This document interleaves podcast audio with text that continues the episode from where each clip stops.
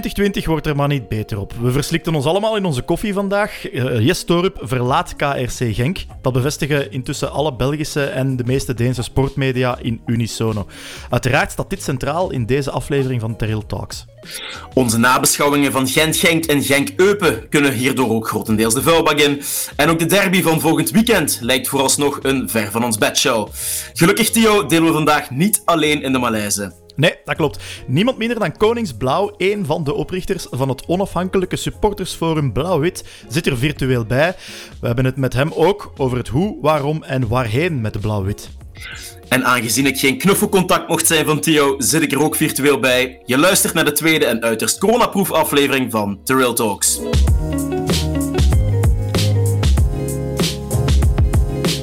Mede-grondlegger van misschien het meest succesvolle Genkse grassroots-verhaal. Een zeer gerespecteerde stem in het Genkse. Iets wat hij als leerkracht en familyman kracht bijzet. Wanneer hij praat, luisteren we allemaal. Welkom, Koningsblauw, of uh, mogen we je echte naam uh, ook zeggen? Goedenavond, ja, absoluut, absoluut. Uh, jullie mogen Wim zeggen. Wim. zo noemen de meeste mensen mij. Er is al genoeg gêne als mensen mij aanspreken met Koningsblauw. dus liefst Wim. Oké, okay, Wim it is. Wim, we gaan je niet naar je moment van de week vragen, maar wel naar de beste Kaarsen-Genk-anekdote die je kan vertellen. Verblijd ons. Ja, ik heb er wel even over moeten nadenken, want uh, ja, weet je, uh, ik ben al mijn hele leven Genk-supporter. Uh, en dan uh, begint je zo wat na te denken van wat zijn de leuke momenten zijn geweest, wat zijn de goede momenten geweest, geweest wat zijn de spannende momenten geweest. En dan kom ik eigenlijk al heel snel uit, we waren toevallig in de, in de oude foto's van, van vroeger aan het grasduinen. En daar stond een, een, een Lego setje van, uh, van mij, een voetbalstadion wat ik gebouwd had. Waar ik uren en uren en uren naar gespeeld had. En uh, mijn vader wist de anekdote daar nog van, wat ik zelf eigenlijk een klein beetje vergeten was. Genk speelde in die tijd ja, uh, net wel, net niet uh, tegen de degradatie. Dat was nog de tijd van Carmel Doezetil en Patrick Goots. Viers werd toen met met de grote trom binnengehaald bij Genk ik ging toen ook al mee naar het stadion, maar ik ging in die tijd vooral mee voor, uh, voor de gratis hamburger onder de, onder, onder de rust. Uh, en de cola na de wedstrijd. maar uh, ja, goed. dat, dat Lego-stadion, daar zit wel een leuk verhaal achter. we hadden een rotseizoen, zoals dat eigenlijk in die tijd heel erg gewoon was. maar we zijn toen in het toen nog grote Anderlecht uh, een wedstrijd gaan winnen. Dat was een wedstrijd, een, een ploeg met uh, Luc Niels, uh, Bruno Verstavel en, en, en, dat soort spelers nog meespeelden. De Europese subtop op dat moment. En we zijn daar gaan winnen met 0-2. doelpunten van Viers en Patrick Goots, die, die Patje Boom Boom, die, die, die, toen wel over, over de brug kwamen. Er was een assist bij Van Winkels. Dat zit ergens in mijn, mijn hoofd gegrift, want dat, dat stukje heb ik uh, met mijn Lego keer op keer nagespeeld. Ik heb die match toen met de cassette recorder, uh, record play, record play, record stop uh, opgepakt. En ehm, zo speelde ik die dan op mijn cassettedek op mijn kamer bij dat Lego stadion af. En ja, dat is eigenlijk een van mijn eerste echte herinneringen aan KRC Genk. Vooral, ja, ik was op, speelplaats, op de speelplaats de enige jongen die voor KRC Genk was. Al de rest was voor Brugge, Anderlecht, Standaard. En Zoals ook bij u begonnen.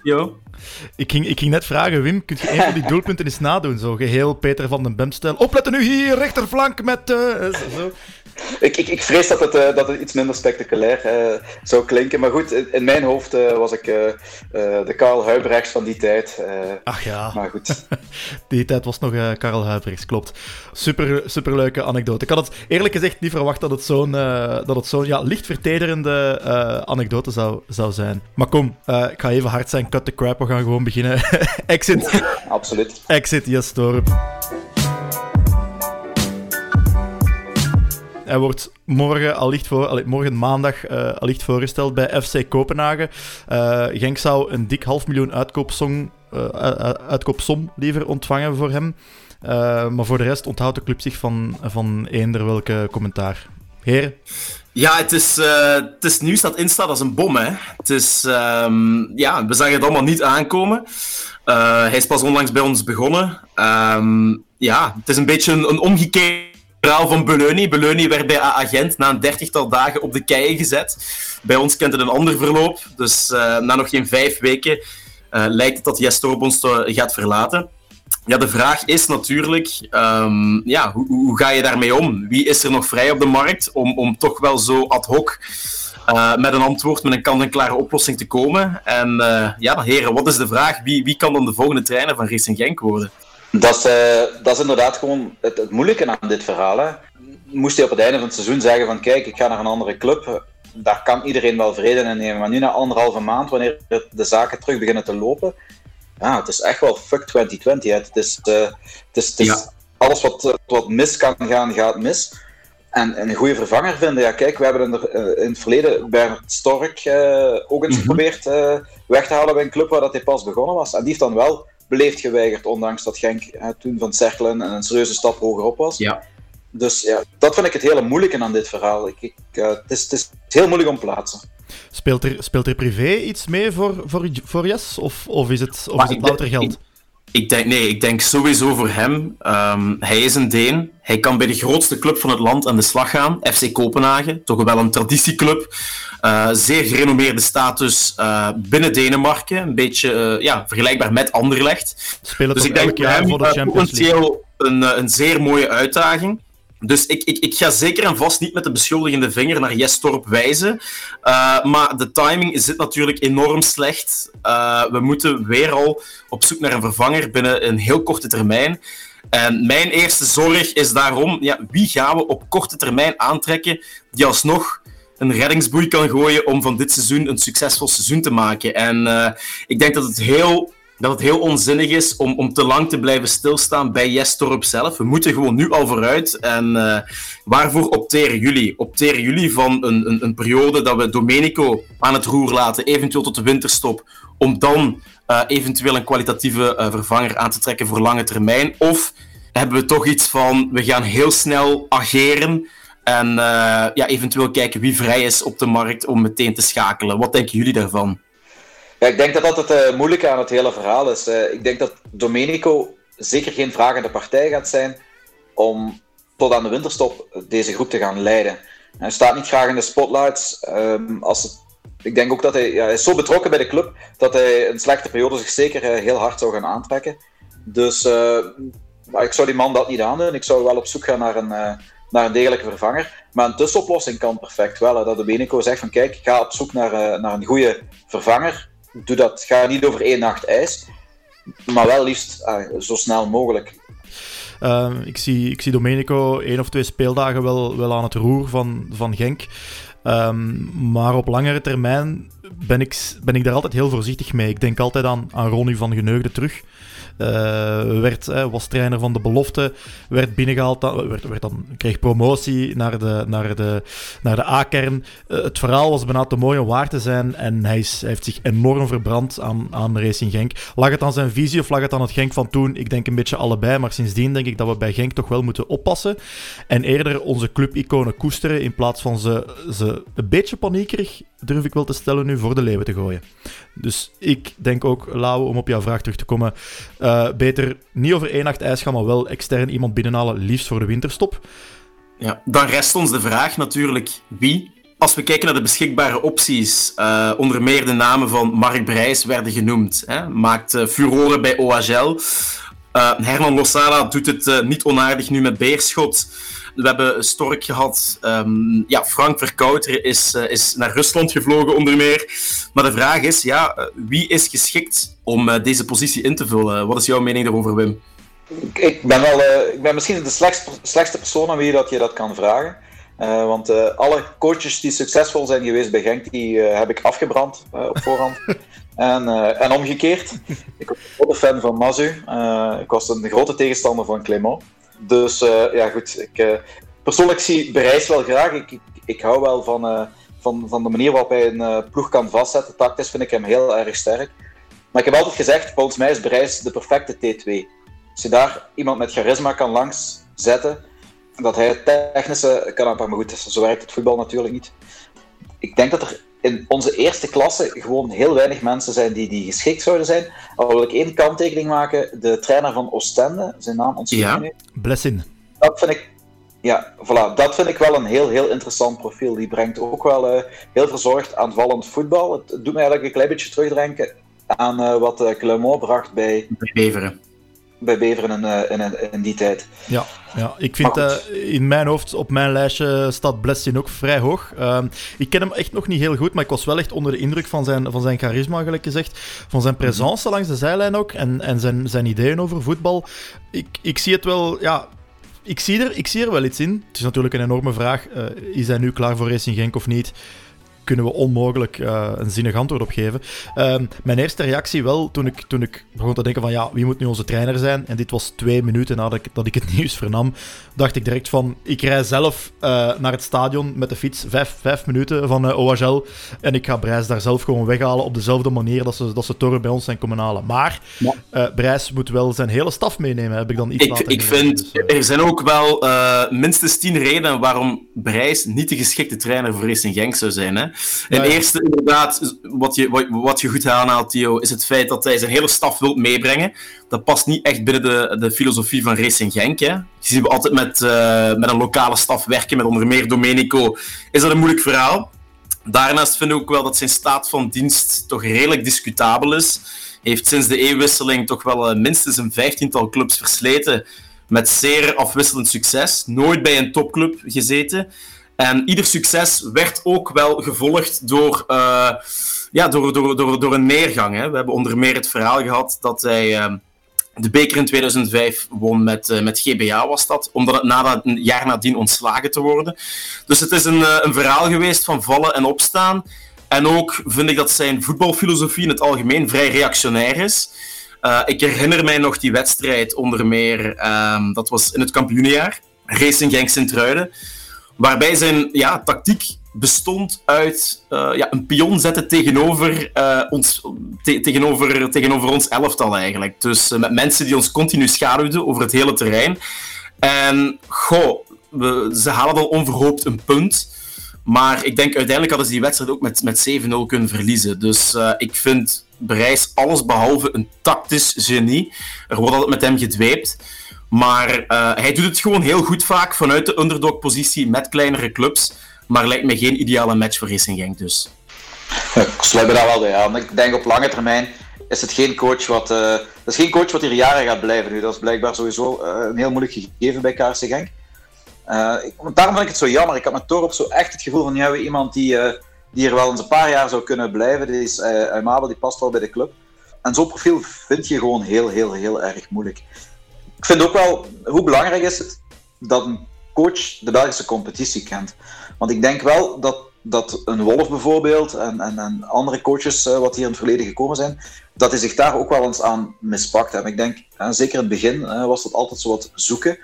Um, misschien dat onze competitie ook een klein beetje onderschat wordt uh, op dat gebied door, door, door buitenlandse coaches. Denk ik dat een coach, en daarom dat voor Torp bijvoorbeeld gemakkelijker was, die kent de competitie, die weet het rijlen en zeilen. En het resulteerde dan, oké, toegegeven met een enorme konijnenpoot, dan ook wel direct een resultaat. Lau, je zei er juist uh, dat Brijs een beetje een reactionaire trainer is.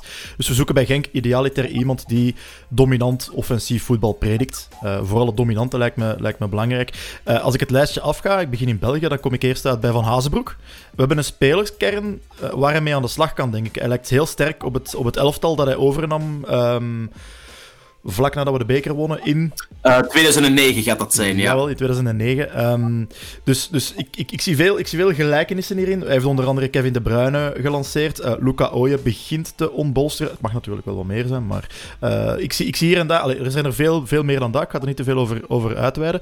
Maar ik heb ook net gelezen dat hij in de belangstelling staat om bij Gent terug over te nemen van Wim de Dekker.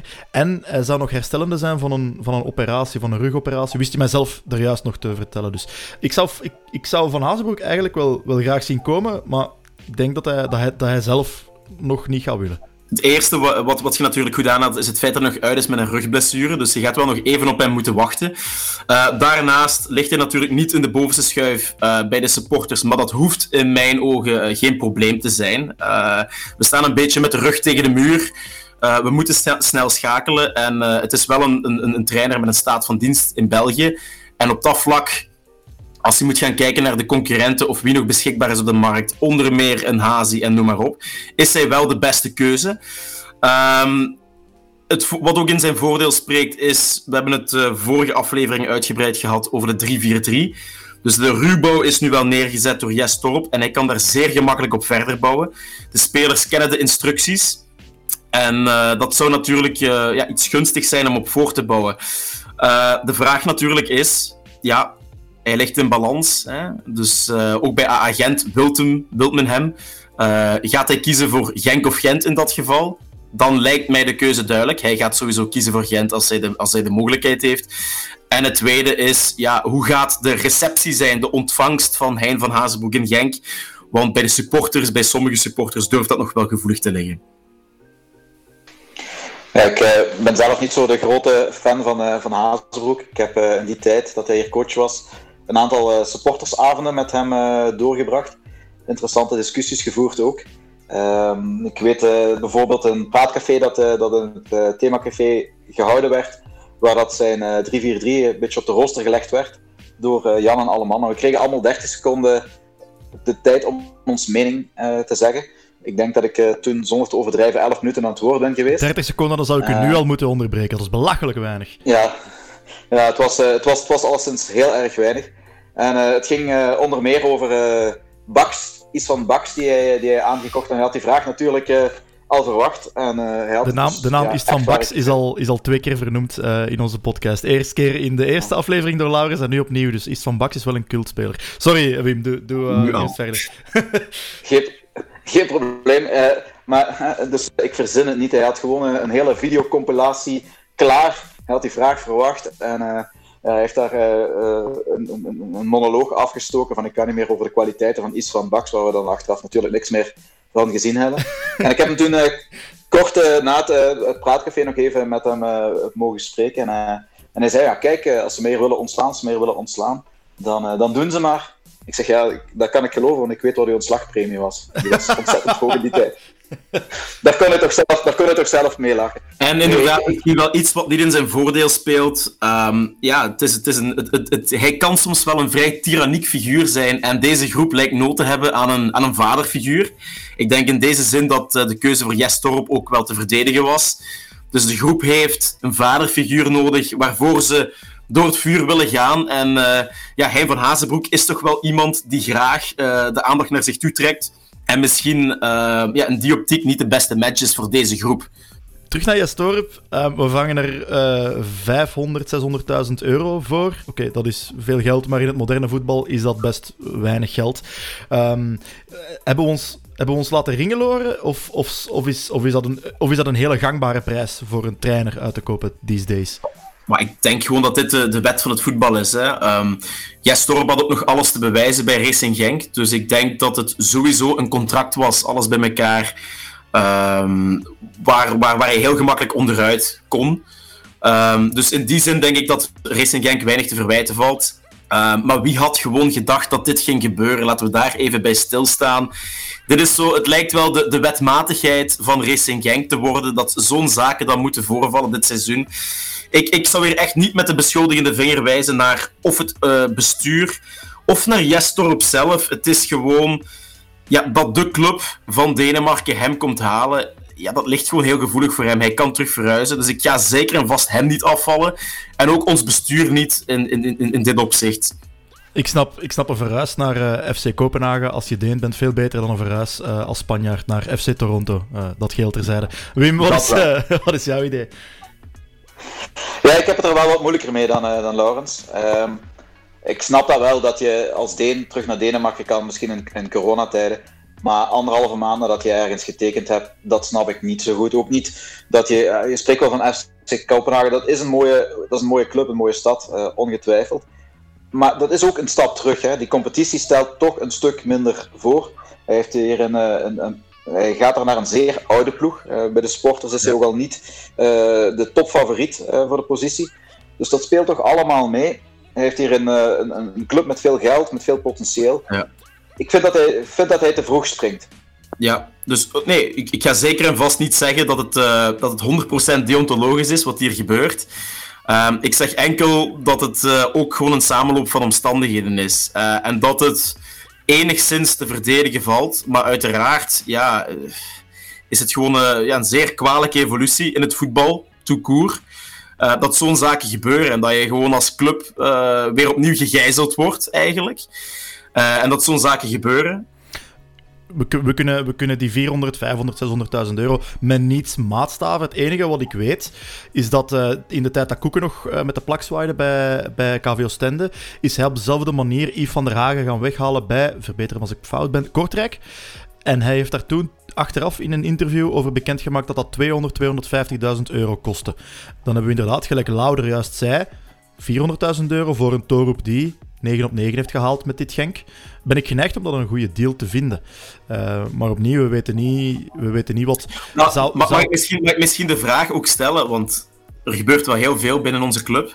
Ja, wat speelt er misschien, misschien van boven? Uh, we weten nooit wat er binnen kamers gezegd is geweest, natuurlijk. Um, we weten ook niet wat het effectieve standpunt is van Torp. We hebben om 12.30 uur is uh, in een prominente uh, Deense sportkant verschenen dat Kopenhagen ver, uh, vergaande interesse had in Jestorp en dat de onderhandelingen gaande waren met Racing Genk.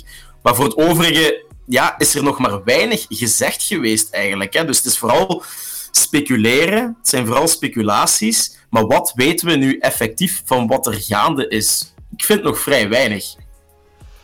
Ja, de club heeft wel al gereageerd, hè, dus dat zou om half één inderdaad mm zelf op de hoogte zijn gesteld van de interesse. Uh, en dat ze eerst nog met uh, Jess en zijn entourage willen, willen spreken. Uh, mm -hmm. dat, vind ik het, dat vind ik dan ook weer het gekke aan het hele verhaal. Dus uh, weet je, je verwacht dat van een, van een speler met, met, met, met weinig herseninhoud, mm -hmm. dat hij zo springt, dat het zo kort is. Hij heeft vrijdag nog een, nog een interview gegeven in het Belang van Limburg, dat uh, Kaarsengang een warme club is. En als je dan nu leest dat de entourage van Torp bij Kopenhagen al uh, zo goed als rond is, ja, dan, vraag ik, dan stel ik mij de vraag van, dit wist hij langer en waarom moest het dan wachten tot, tot, uh, tot vandaag uh, half één? Moest het, moest het niet tot een deal komen, um, mag hij voor, je, voor jou volgend weekend terug op training staan? Volgende week terug, terug op training staan? Of is het sowieso afgelopen verhaal? Tja. Dat, uh, dat geeft een knauw. Dat uh, als uw vriendin uh, even met een ander heeft liggen sturen, er is niks gebeurd. Maar echt, echt vertrouwen is, is, is, ja, dat is moeilijk dan. Dat is een klein beetje weg. Ja. Dus nee, goed. ik snap het wel. Dat hij geluisterd heeft, dat zou ik kunnen, dat zou ik kunnen snappen. Ehm, inderdaad, met alles wat jij gezegd hebt. Het is, het is de topclub van zijn land.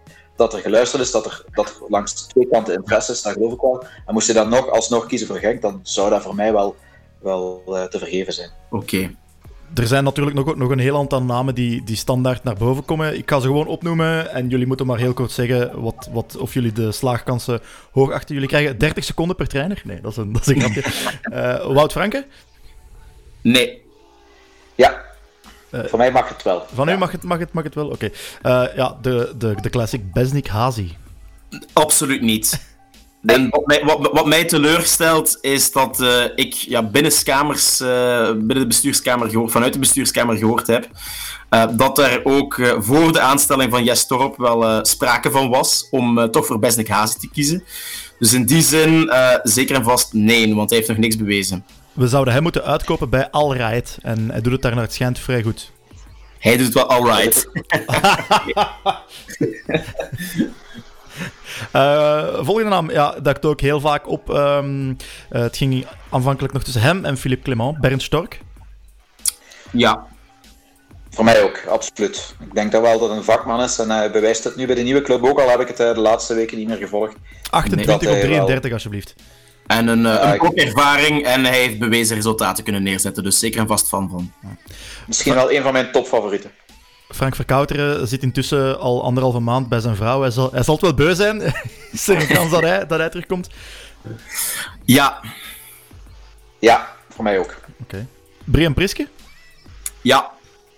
Ja, voor mij ook. Ik denk op dit moment heel onhaalbaar, maar uh, mag absoluut komen.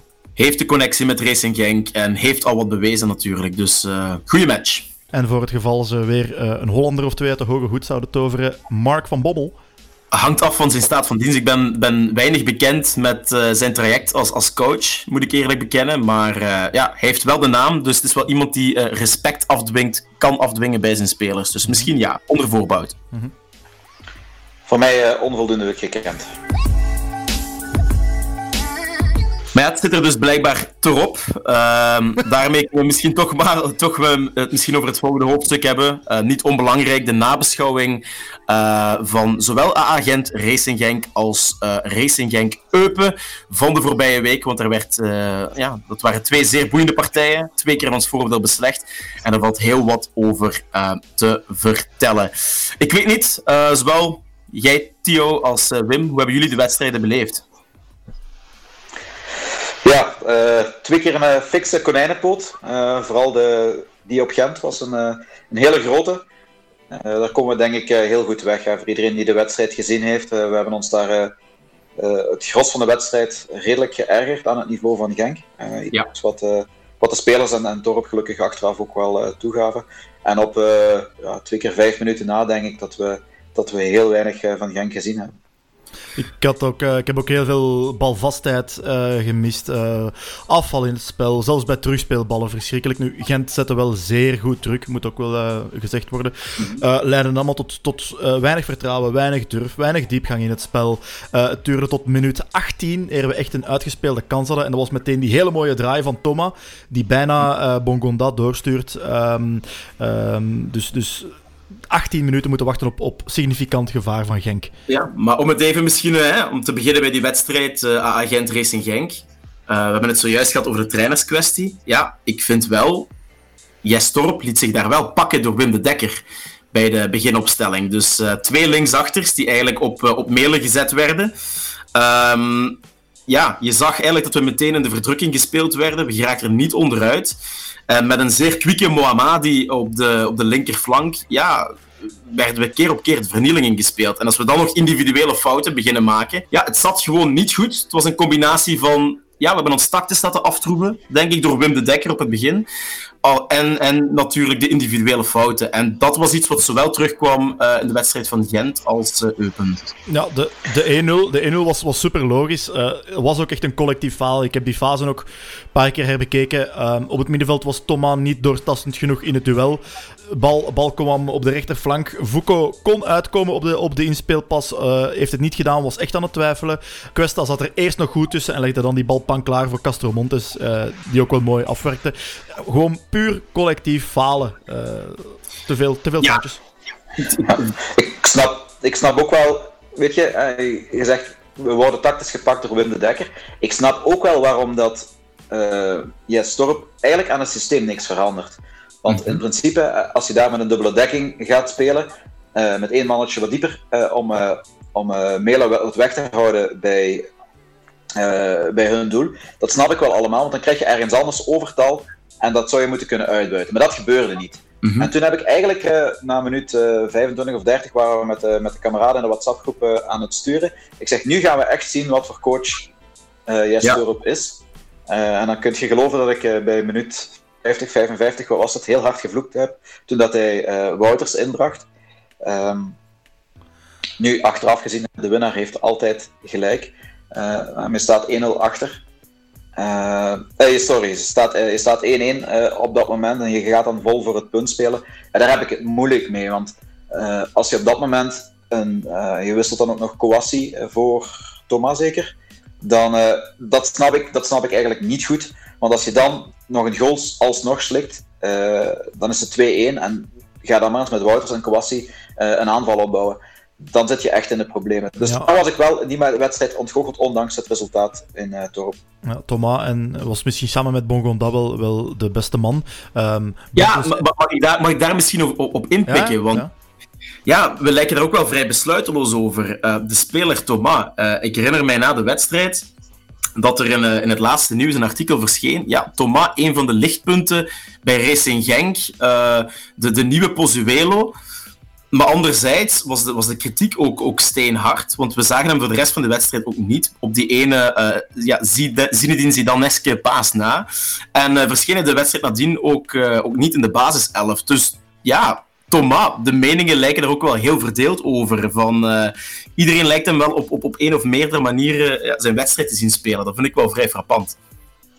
Ja, in, de, in het Belang van Limburg kreeg hij een 4, denk ik. Eh, dus ik denk niet dat, de, dat de Geukes zo tevreden over hem was. Maar ik sluit me daar ook wel bij aan. Je ziet dat die jongen iets met, met een bal kan en dat hij dat hij wel vooruit durft denken. Maar misschien heeft hij ook nog niet echt op zijn, op zijn goede positie kunnen spelen. Misschien dat hij, dat hij gediend is met een voetballende speler achter hem. En dan denk ik aan Heine, die uh, binnenkort uh, terugkomt kijken. Zo Heine, Torstvet en uh, Thomas zouden kunnen zetten. Al zou ik altijd kiezen voor Ooyen. dan denk ik wel dat we daar centraal op middenveld wel wat, wat creativiteit terug hebben. Ja, misschien kunnen we op die manier ook mooi de doorsteek maken naar de wedstrijd tegen Eupen. Die toch wel, vond ik, in het teken stond van de terugkeer van Brian Heine. Want voetballend, want we stonden natuurlijk wel vrij comfortabel op voorsprong. Maar voetballend deed hij de wedstrijd wel kantelen. Ja, absoluut. Het was, uh, het was, zo, het was direct een, een zucht van verluchting die, die waarschijnlijk eh, door iedere huiskamer ging bij, bij iedere Genk-supporter. Je zag direct voetballend ging er opeens zoveel vlotter. Die, dat middenveld werd zoveel sneller. Overgestoken met, met één of twee goede passen. Hij liep goed. Ja, ik ben zo, zo, zo blij dat hij terug is, net als uh, ieder Genk-supporter. Ik ook. Vorige week zei ik nog dit. Als we zitten met een fitte Brian Heinen die op het niveau speelt, zelfs van vorig seizoen, heeft Rossowski geen kans.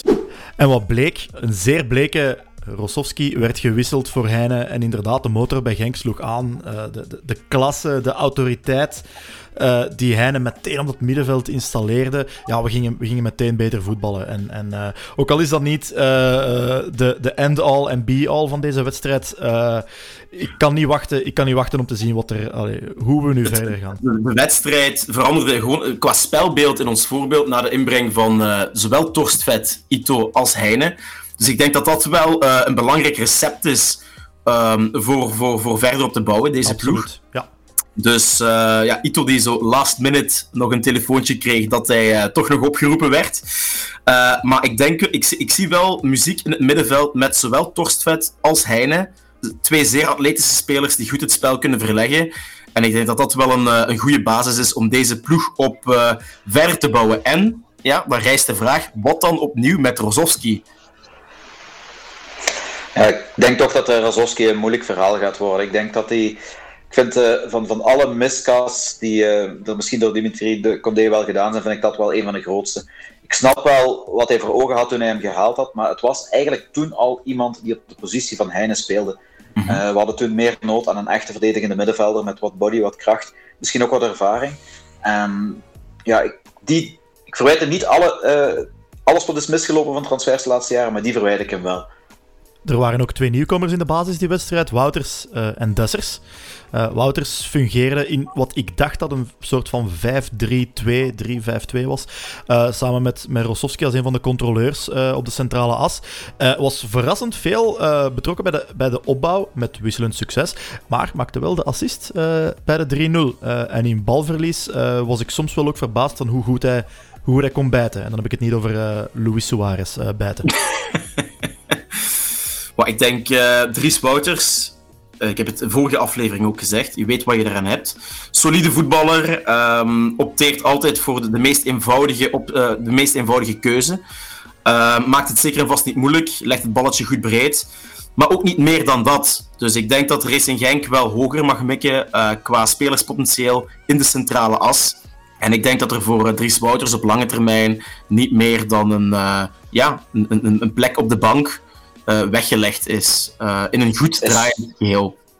Hij is ook uh, vragende partij om te vertrekken. Hij heeft deze zomer duidelijk aangegeven aan het bestuur van Genk dat hij eigenlijk graag al woorden zou willen opzoeken en dat hij elders wil gaan spelen. Het is geen moeilijke jongen, maar ik denk dat die jongen ook wel voelt wat wij nu zeggen een basisplek bij KRC Genk gaat er voor hem nooit in zitten. Nee, het is dat. En uh, je gunt hem ook gewoon uh, een basisplaats bij een andere uh, ploeg in de Jupiler Pro League. En ik denk dat hij het daar heel goed gaat doen. Maar voor de absolute top, wat wij toch moeten ambiëren, komt hij net dat tikkeltje tekort. Is het net dat tikkeltje niet innoverend of creatief genoeg in zijn spel.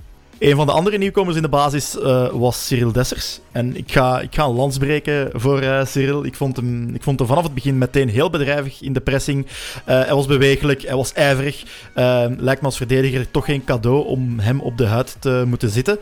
Hij scoorde een mooie goal, uh, doorgekopt van uh, een bleke Onuwachu toch wel. Uh, en werkt af. Ortwin de Wolf stond goed opgesteld en toch die bal in het zijnetje gedeponeerd. mooie spitsengoal. Maar dan, ja, tien minuten later het was offside, maar dat maakt niet uit. Loopt hij de doelman en het doel met zo'n 20 meter nog ernaast. Dus technisch zat het niet altijd even verfijnd. Maar het was wel een betere match dan, dan, wat, onze, dan wat onze Gouden Stier heeft uh, getoond. Uh, want die liet het voor de tweede keer op rij afweten. Maar bon, Dessers, heren. Uh, er zijn veel voor- en tegenstanders.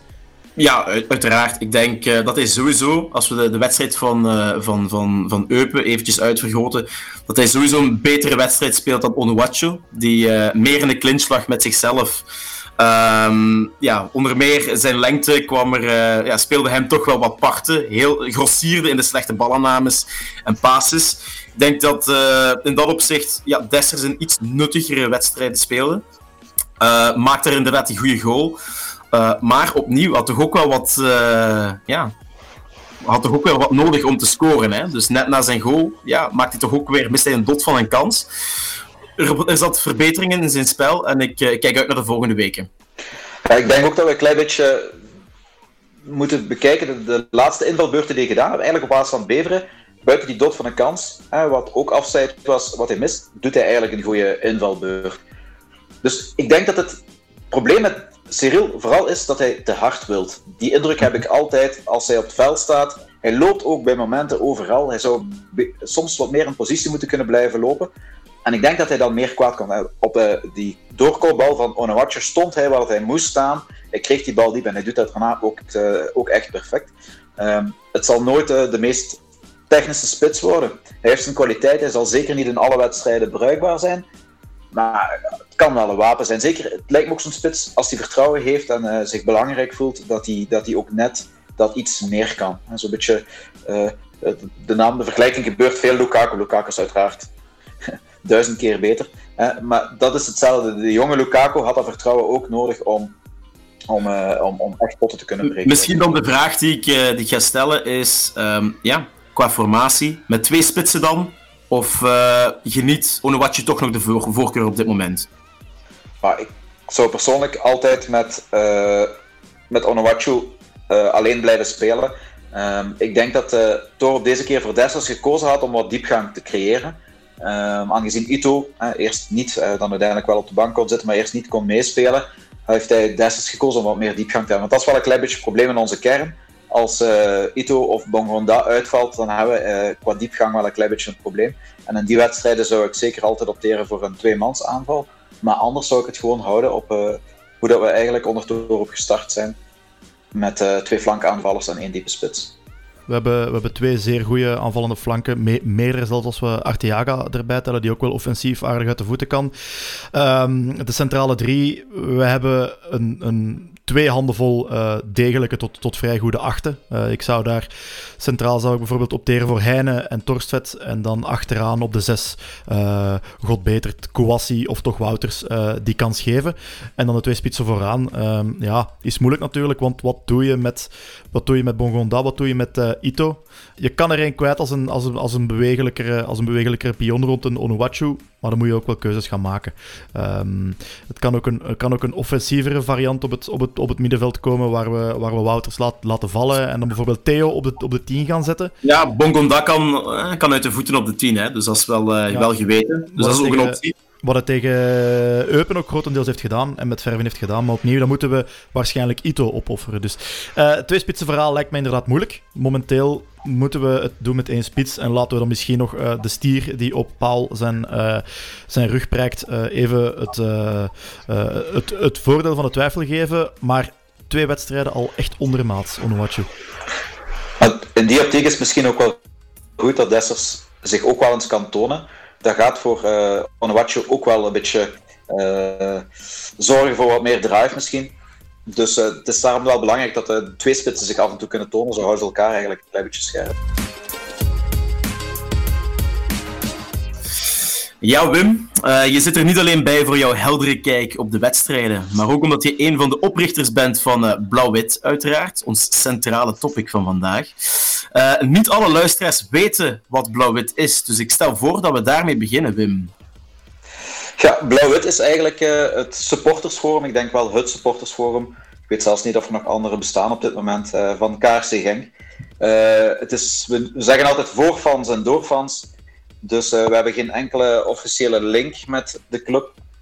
Um, zo zijn we eigenlijk ook uh, gestart.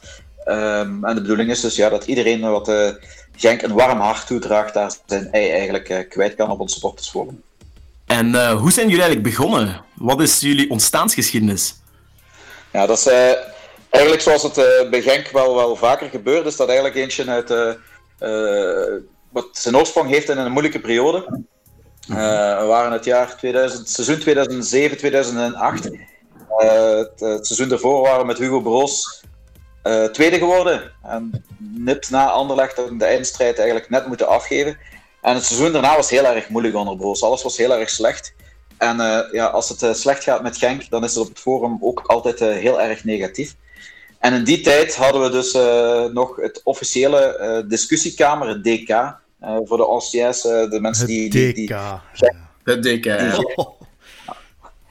Absoluut. Uh, ja, voor de mensen die DK niet kennen, dat was eigenlijk ja, een, een, forum dat zelf gecreëerd werd door Pascal Delft, de webmaster toenmalig van, van KRC Genk.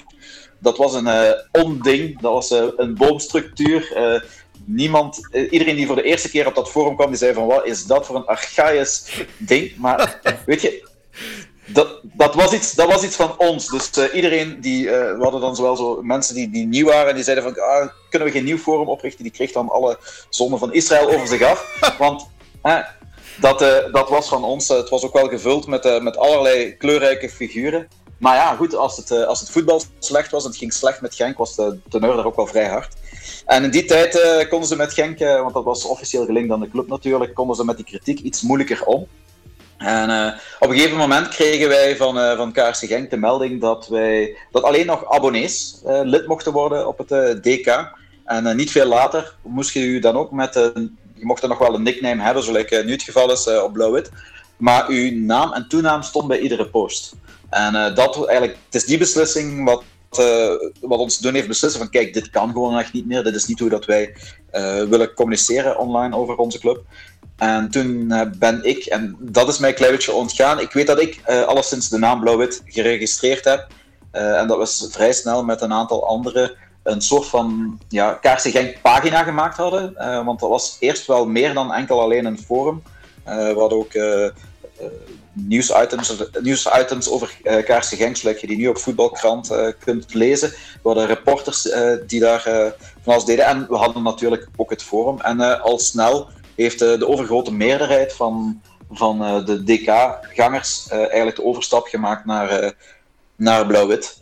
tot groot ongenoegen van de club, want die hadden toen ondertussen een eigen nieuw forum opgericht. Waarschijnlijk ook genoeg geld voor aan Pascal Delft ervoor betaald. maar dat, dat is eigenlijk nooit van de grond gekomen. en vandaar hebben we in het begin ook wel wat moeilijkheden gehad met de club met naam, met naam en toenaam ongewild verschijnen. Eh, GDPR was nog geen ding toen en het was al duidelijk frappant. Ik herinner mij nog dat ik, dat ik ook een stukje of twee heb geschreven toen Blauw-Wit pas bestond. Ehm, maar ook heel erg, heel erg lang geleden. Dus inderdaad, het was eerst echt een, een, een nieuwswebsite. Ehm, ja, tegenwoordig is, is het zwaartepunt van Blauw-Wit natuurlijk het, het forum geworden met... met Weet jij van buiten hoeveel, hoeveel leden? Dat loopt in de duizenden, hè? Dat, uh... Ja, het aantal leden is, is, is moeilijk omdat er veel uh, accounts zijn wat niet meer gebruikt worden. Maar ik denk dat we uh, variëren tussen de 1500 à 2500 bezoekers per dag. Mm. vandaag met Torp zullen we dat weer dicht tegen de 2500 weer een piek, ja. Dat zijn, dat zijn actieve, ja. dat zijn actieve bezoekers veel mensen die, die, die online wel een bepaalde zwaartekracht kunnen, kunnen uitoefenen. Um, heeft Blauw-Wit bij jou weten ooit al succesvol druk kunnen uitoefenen op, op iets intern bij de club, op het bestuur, uh, iets gelijkaardigs? Nee, uh, ik moet wel zeggen dat ze in het begin echt wel uh, wat schrik hadden van Blauw-Wit. schrik van Blauw-Wit. ze keken er alleszins niet erg positief tegenaan. Uh, ik weet dat we ooit de vraag hebben gesteld, omdat we toen die nieuws-items nog deden, om uh, mee de wedstrijdnabesprekingen te mogen volgen. Um, in de perskamer, maar uh, ja, dat kreeg al vrij snel een niet. Um, ik weet dat we toen ook de kleedkamer bij gehaald hebben. Want we hadden toen in de beginjaren van Blauw-Wit eigenlijk afgesproken dat de spelers een soort van QA mochten doen. En de eerste van, van die gasten was Dimitri Dazeleren. Uh, daar hadden we dus mee afgesproken dat we zondagmiddag, ik vergeet nooit, vijf uur, dat, hij, dat de forumleden een aantal vragen mochten stellen en hij zou die om vijf uur op zondag komen beantwoorden. En ehm, we kregen een kwartier, een uur voordat hij zou beginnen, kregen we eigenlijk het antwoord van kijk, ja, sorry, ik mag niet van de club. En uh, toen, zijn ze, ja, toen zijn ze in, uh, in de kleedkamer blijkbaar, zoals het mij verteld, ook gaan zeggen van kijk, iedereen mag niets te maken hebben met blauw-wit. Oh. En we zijn toen, toen hebben we wel zo'n beetje schrik gekregen. Van daaruit hebben we dan eigenlijk ook met, met iedereen die toen mee blauw-wit opgestart heeft, ehm, een VZW opge, opgericht. Ehm, dat we dat eigenlijk allemaal een klein beetje in een officiële structuur konden gieten. Om twee redenen. Eén, om ons eigenlijk een klein beetje in te dekken. Moest er ooit iets gebeuren, moest er, ons ooit, uh, moest er ooit iemand aansprakelijk gesteld worden, dan was Moeten verantwoorden, ja. Maar langs de andere kant was het ook wel heel duidelijk. Weet je, we willen hier niks mee. We willen hier geen geld mee verdienen. We wouden gewoon heel duidelijk aantonen: kijk, dit is echt wel uh, voor fans, door fans. Wat we van boven in de banner hadden staan, dat meenden we ook wel. Maar Wim, mijn, uh, mijn vraag. Wat is jouw meest memorabele blauw-wit forum-moment? Oeh, mijn meest memorabele blauw-wit forum-moment. Ja, dat is eentje eigenlijk op de rand van, de, van het DK en, en, het, en, en, blauw-wit eigenlijk. Um, ik heb daar toevallig vorige week van een van de deelnemers nog een uh, videootje van doorgekregen. We hadden vroeger uh, op vrijdag in de naam van het café Ontschiet mij nu, in Hartje Genk, hadden wij de, iedere eerste vrijdag van de maand hadden we eigenlijk een soort van samenkomst van, van alle ja, DK's of blauw-witters later. En we hebben toen nog een etentje georganiseerd. En daar heb ik echt heel veel mensen voor de eerste keer in real life uh, ontmoet. Um, en dat was eigenlijk wel, wel, wel, wel, wel heel erg tof. En voor de rest, ja, we hebben zo uh, bij, bij Blauw-Witveld van die zotte avonden, de 2-5 tegen Gent. Ja. gaat iedereen die erbij was zich nog wel. Met zeer befaamde quotes van mede-forumgangers tot als resultaat. Weet ik. Ik herinner mij trouwens ook nog het, het geval, de schacht. Kunt je daar ja. misschien uh, Ja, klopt, klopt, klopt, klopt. We waren dat eigenlijk uh, van Blauw-Wit eigenlijk een klein beetje beu. Uh, dat ja, er zoveel foute geruchten over Kaarse Genk de wereld ingestuurd werden. En toen hebben we eigenlijk via Blauw-Wit, toen hadden we nog die nieuwspagina, hebben we eigenlijk het gerucht gestart van de schacht komt naar Kaarse Genk. En ja, dat duurde natuurlijk dat duurde natuurlijk niet lang, uh, tot uh, de verschillende nieuwsmedia's en uh, nieuwsmedia, Belgium Soccer was dat toen in die tijd nog, dat oppikte. En al snel ja, kreeg, kreeg ze er ook elders lucht van. en we hebben toen ook sporza.be gehaald. En dat was voor ons wel ja, mooi meegenomen. Gewoon om één keer aan te tonen. We hebben toen ook zo een, een rechtzetting op, op, op, de, op de website gezet. en natuurlijk, Sporza volgde daar heel, heel kort na. Dus uh, Blauw-Wit staat aan de voet van uh, fake news. Dat is uh, goed te vernemen. Um, fora zijn niet meer overal te vinden online. hier en daar nog in, in niche-onderwerpen. Maar Blauw-Wit, ja, en ook heel wat andere voetbalfora, blijft wel gemakkelijk overeind dankzij de community. Hoe, hoe komt dat volgens jou? Ja, ik denk dat een van onze grote voordelen is dat wij een heel goed draaiend voor, uh, forum hebben. En daar mag ik uh, wel één iemand uh, een beetje voor in de bloemetjes zetten. want zonder hem was dat denk ik ook nooit zo'n succesverhaal geworden. Sin, ik weet niet, niet of ik met zijn echte naam mag noemen. Ik ga hem toch Jo noemen, want hij, hij, kan er wel tegen. nee, ehm, zonder Jo was dit eigenlijk nooit geworden wat het was. Want ehm, ik heb het eerste forum zelf gemaakt. De eerste website heb ik zelf gemaakt. Maar voor de mensen die, die Jo of Sin in het echt kennen, dat is uh, een ongelooflijk, ongelooflijk slimme kerel. Uh, het is zo iemand waarmee, waarmee dat je praat en na twee minuten weet je al dat hij veel slimmer is dan jezelf. um, dus uh, en die heeft dat forum eigenlijk ook altijd heel um, goed opgebouwd. Het, dat liep bijna nooit vast. We hebben wel eens momenten geweest dat we zijn offline, dat offline zijn geweest, maar in verhouding met alle andere websites veel minder. het is een en dat helpt wel. Plus, ja, we hadden natuurlijk een hele goede basis van de mensen die van het DK zijn overgenomen, uh, overgekomen. Uh, dat helpt natuurlijk wel.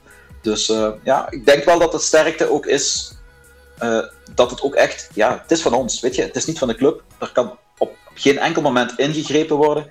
het, is, het, is, het is van ons. En dat, dat is heel erg belangrijk in het hele verhaal. En hoe ziet, de, hoe ziet de toekomst eruit van Blauw-Wit? Want ik las ook ergens in een topic dat de inkomsten dalende zijn. hoe zit dat op dit moment? Ja, klopt. ja, we hebben in de tijd, toen we gestart zijn, hebben we wel een kleine rondhaling gedaan. Uh, is ook uh, massaal op gereageerd. En met dat geld hebben we heel veel jaren kunnen overbruggen zonder eigenlijk enige andere vorm van inkomsten. En toen we zagen dat dat potje eigenlijk een klein beetje kleiner aan het worden zijn, zijn we overgegaan naar een kleine banner van bovenaan via Google. En daar hebben we eigenlijk jarenlang eigenlijk op kunnen teren. De twaalf jaar dat we nu bestaan, hebben we eigenlijk nooit een andere vorm van, van inkomsten nodig gehad. Maar nu merken we, ja, ik denk door de vele uitblokkers en ook door het uh, meer mobiel bezoeken van de website, dat we veel minder inkomsten hebben. En dat we nu van break, waar dat we de laatste jaren altijd break-even hebben kunnen draaien, dat we nu een klein beetje eronder zitten. Maar we zijn bezig met een aantal oplossingen. Er zijn mensen die mij al gesmeekt hebben om alsjeblieft een rekeningnummer door te, te sturen. Het forum staat vol van mensen die zeggen van, kijk, ik spendeer hier zoveel uren en ik wil hier graag wel wat geld laten maar toch, ja, als het niet moet, als het niet anders kan, dan durven we dat we zeker wel vragen. We gaan het forum nooit offline laten gaan, maar ik vermoed dat we ook alweer aan een oplossing zullen komen, zodat het forum gratis blijft. Je mag het rekeningnummer hier altijd droppen, hè? Nee, ja, ik, ga het, ik, ga, ik, ga het voorlopig, ik ga het voorlopig nog even zo houden. Ja. Dan zullen we gewoon vragen aan al onze luisteraars om vanaf heden de, hun adblocker af te zetten wanneer ze Blauw-Wit bezoeken. Heel goed idee. Nog één vraag die ik heb over Blauw-Wit. Een van de redenen waarom er veel gebruikers zich daar registreren is omdat er wel best wat insiders op Blauw-Wit zitten. Met insiders, mensen die iemand kennen binnen de club bijvoorbeeld. Kan al wel eens gebeuren dat er een transfer gelekt wordt op, uh, op het forum en dat dan niet de bedoeling is dat dat gebeurt. Zorgt dat voor uitdagingen? Want je begeeft je wel in iemand anders vaarwater daarmee. Ja, ik kan daar wel... Uh wel positief op beantwoorden. We krijgen uh, al ons telefoon van Erik Gerrits. Uh, dat er, ja, die dan ontzettend, ontzettend kwaad is. dat, ik denk de transfer van, was het Onuachu, denk ik, die, die vroegtijdig gelekt was op Blauw-Wit. waar dat hij zijn medische testen aan het afleggen was. En op dat moment stond dat al op het forum. toen hebben we echt wel bericht gekregen van Erik. Wie heeft dat erop gezet? We moesten een naam geven, want hij wou daar daar actie tegen ondernemen. Persoonlijk uh, komaf meemaken. ja. nu, natuurlijk zijn we daar niet op ingegaan. Ik heb die persoon natuurlijk wel, ook wel verwittigd. Ik heb wel ook direct aan, aan, aan Erik en de club laten weten. Ik zeg van kijk, als er in de toekomst zoiets is, dan kunnen wij daar wel rekening mee houden. We willen wel bepaalde posten verwijderen, alles in het goed van de club. Uh, maar een naam doorgeven, ja, dat, dat ging gewoonweg niet. Nu trouwens, de meeste forumleden zijn mij ook onbekend. Dus, uh, maar zelfs als je de naam kent, ja, dat kun je gewoonweg niet maken als.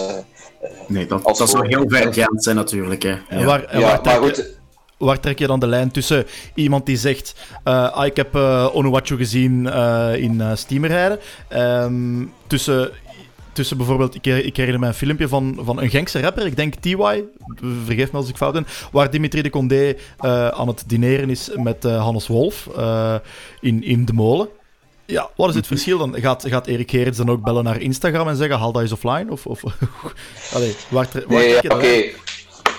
Ik snap het, ik snap het wel, maar goed, voor mij was vooral de insteek van ik wil uh, bepaalde mensen hun job niet in gevaar laten komen. En, uh, ja. uh, want daar, daar, daar ging het in, in, dit geval niet of, of, of, of Erik daar zo ver in gegaan zou zijn op dat moment. Dus misschien overschatten wij het ook wel allemaal een klein beetje. maar goed, ik weet wel dat op moment. Ik snap dat uh, langs Kaarse Genk zijn en ook wel. Die zijn zo lang met die transfer uh, bezig. Die doen zo uh, hun best om journalisten te paaien van wacht nog even het nieuws, wacht nog, wacht nog even het nieuws. Ja, en dan, en dan staat het op en bloot op blauw-wit. Dus weet je, dat is altijd een oefening die we zo... We hebben nog vragen gehad van, van, van, van bepaalde mensen om bepaalde zaken te verwijderen. Um, kijk, als dat nuttig is voor de persoon en, en, en we bespreken dat wel even met de moderatoren, dan kan zoiets wel wel, uh, wel in de gaten gehouden worden. Nog één laatste vraag die je heel eerlijk moet beantwoorden. Weet jij wie de nieuwe trainer wordt van KRC Genk? nee, dat weet ik niet. Okay. Leugenaar. uh, ik denk dat we... Zeg maar, zeg maar. Nee, nee ik, mijn inside bronnen die zijn, zo goed als onbestaand. Onbestaand. Oké, fantastisch.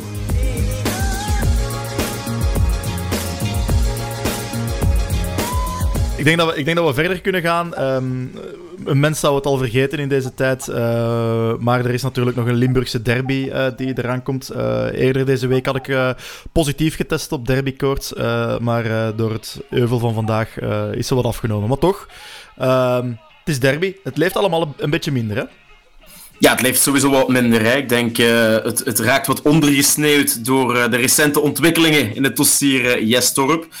Um, ja, dus, dus, dus de derbykoorts, daar is absoluut geen sprake van op dit moment. Ik denk sowieso, uh, door de coronapandemie en dat er geen toeschouwers worden toegelaten, ja, is het sowieso al wat minder dit jaar. Um, ja, dus een, een, een derby afwerken in een leeg stadion, ja, dat is in mijn ogen geen derby. Dus uh, in die zin voelt het wel wat meer aan als een wedstrijd zoals een ander dit jaar. Ja, dat klopt. Ja, voor mij ook. Ik denk uh, een derby zonder publiek, ja daar, uh, daar is alle spankracht een klein beetje weg natuurlijk. Ik uh, ben een klein beetje benieuwd. Ik denk dat uh, Muscat, wat ik absoluut geen goede trainer vind, maar misschien net wel voor zo'n wedstrijd, want het lijkt me iemand die vooral kampioen is en zijn troepen opnaaien. Um, dat is gebleken tegen Standaard, waar ze waarschijnlijk een van de weinige goede wedstrijden dit seizoen gespeeld hebben. Ja. Ik verwacht eigenlijk komend weekend weinig anders. Ja, wat is de pronostiek, wat is de pronostiek heren? Ja, voor mij 0-5. 0-5. ik, ging, ik ging eerst iets, iets, iets, iets gelijksoortigs zeggen, maar nu met, met alles wat er gebeurde op de club. Ik hoop, ik hoop dat de spelers zich er goed van kunnen loszetten. Um, dat, dat Domenico, laten we ervan uitgaan dat dat Torp weg is, um, dat Domenico toch zijn ding kan doen als, als oer-Genki, als oer-Limburger. Uh, met Heinen in de basis, ook als oer-Limburger. Uh, eh, 1-2. En Lau? Uh, 0-2. Ik uh, ben zeer positief uh, ten aanzien van deze wedstrijd. Dus dat komt helemaal goed. Dan zijn we bijna rond. Eindigen doen we met een nummer dat onze gast associeert met uh, Racing Genk. Ja, ik had gekozen voor uh, Town Called Malice van The Jam. Top.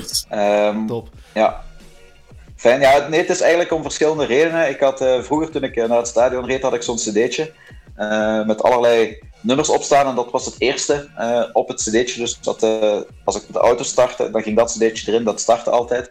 En ik vond het ook wel zo, zo een heel toepasselijk liedje, want uh, dat gaat eigenlijk over iemand die een haat-liefde verhouding heeft met zijn, met zijn stad. Hè? ja. En dat is, dat is eigenlijk een klein beetje wat wij als voetbalsupporter vandaag zeker weer voelen. Hè? waarom supporter ik toch voor Kaarsen Genk? Waarom doe ik mezelf dat aan?